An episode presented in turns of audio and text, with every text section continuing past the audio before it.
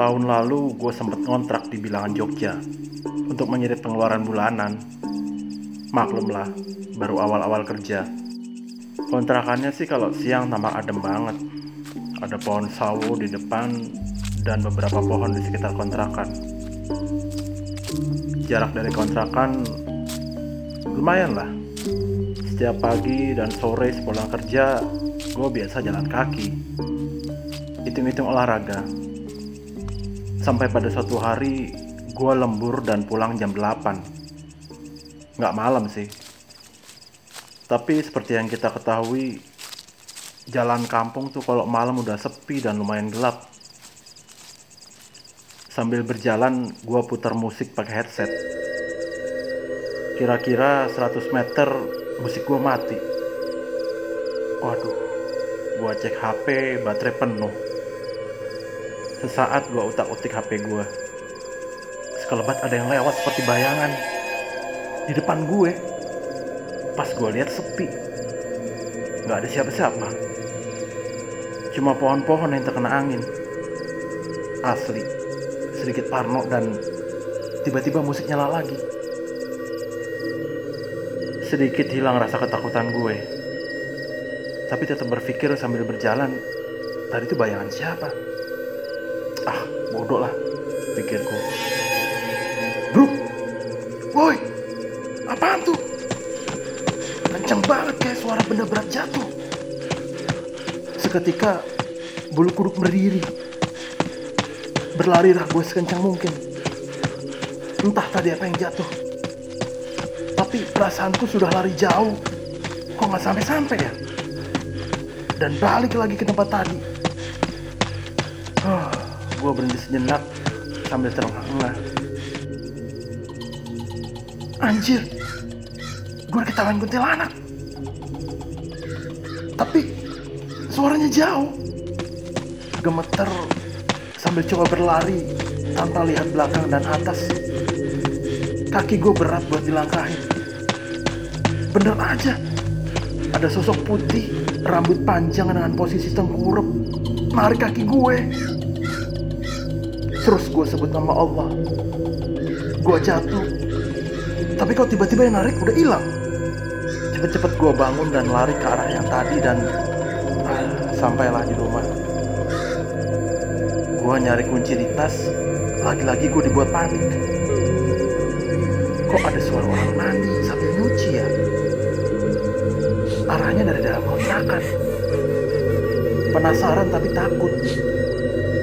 Gua intip dari lubang kunci. Ya Allah, I- i- i- i- itu siapa? Langsung gue bacain Yasin. Sambil gemeter, gue buka pintu. Assalamualaikum. Hilang tuh suara. Gue cek kamar mandi, kosong gak ada siapa. Gue beraniin ambil air wudhu. Niat gue sholat isya.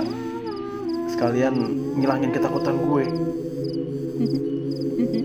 Di tengah gue sholat, kedengeran lagi tuh suara orang mandi sambil nyuci. Kali ini jelas.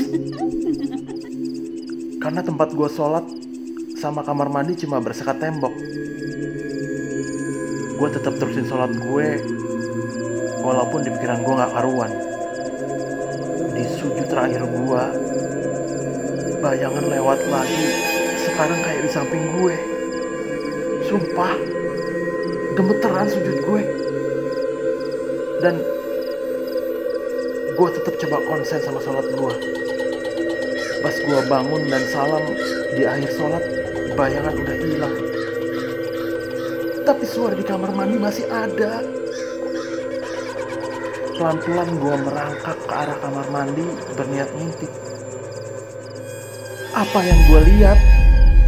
Ada cewek pakai jubah putih agak dekil tanah.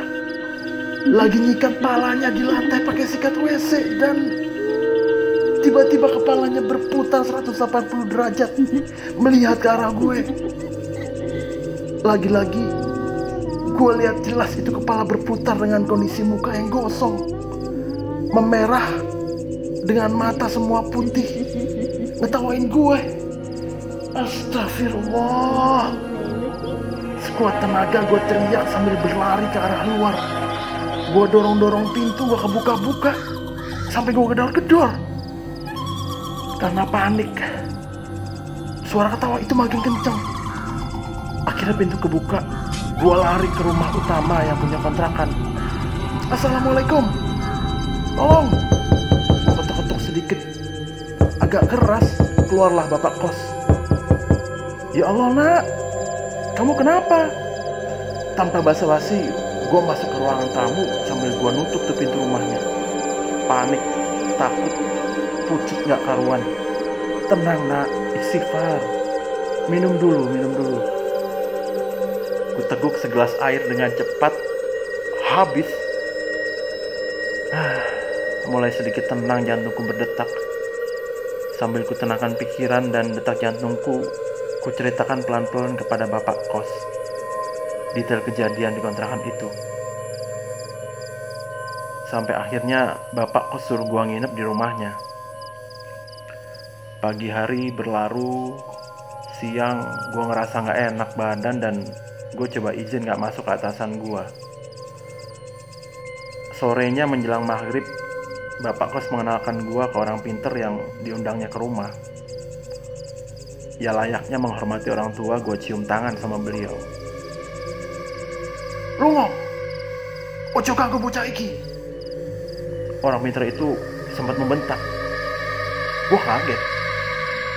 Ternyata pas gue cium tangan, sosok ini kamar mandi semalam masih sempat ngikutin gue.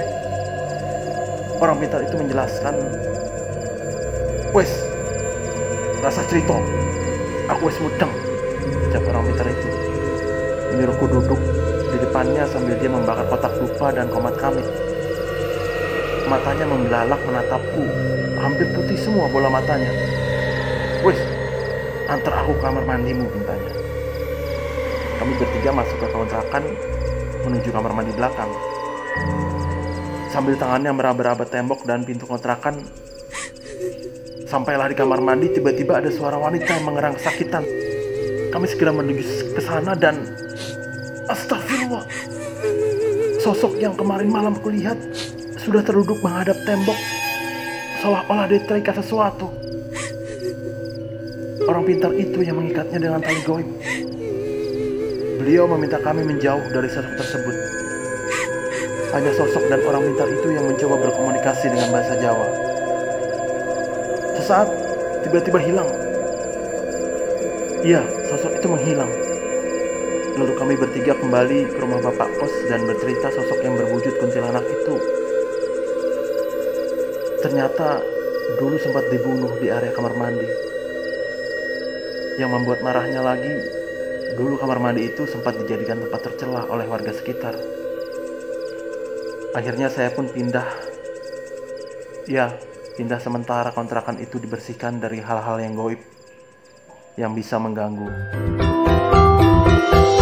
Halo, buat teman-teman yang ingin mengirimkan cerita misterinya, bisa kirimkan cerita atau rekaman suara ke email penaarwah@gmail.com atau bisa DM akun Instagram kita di @penasangarwah.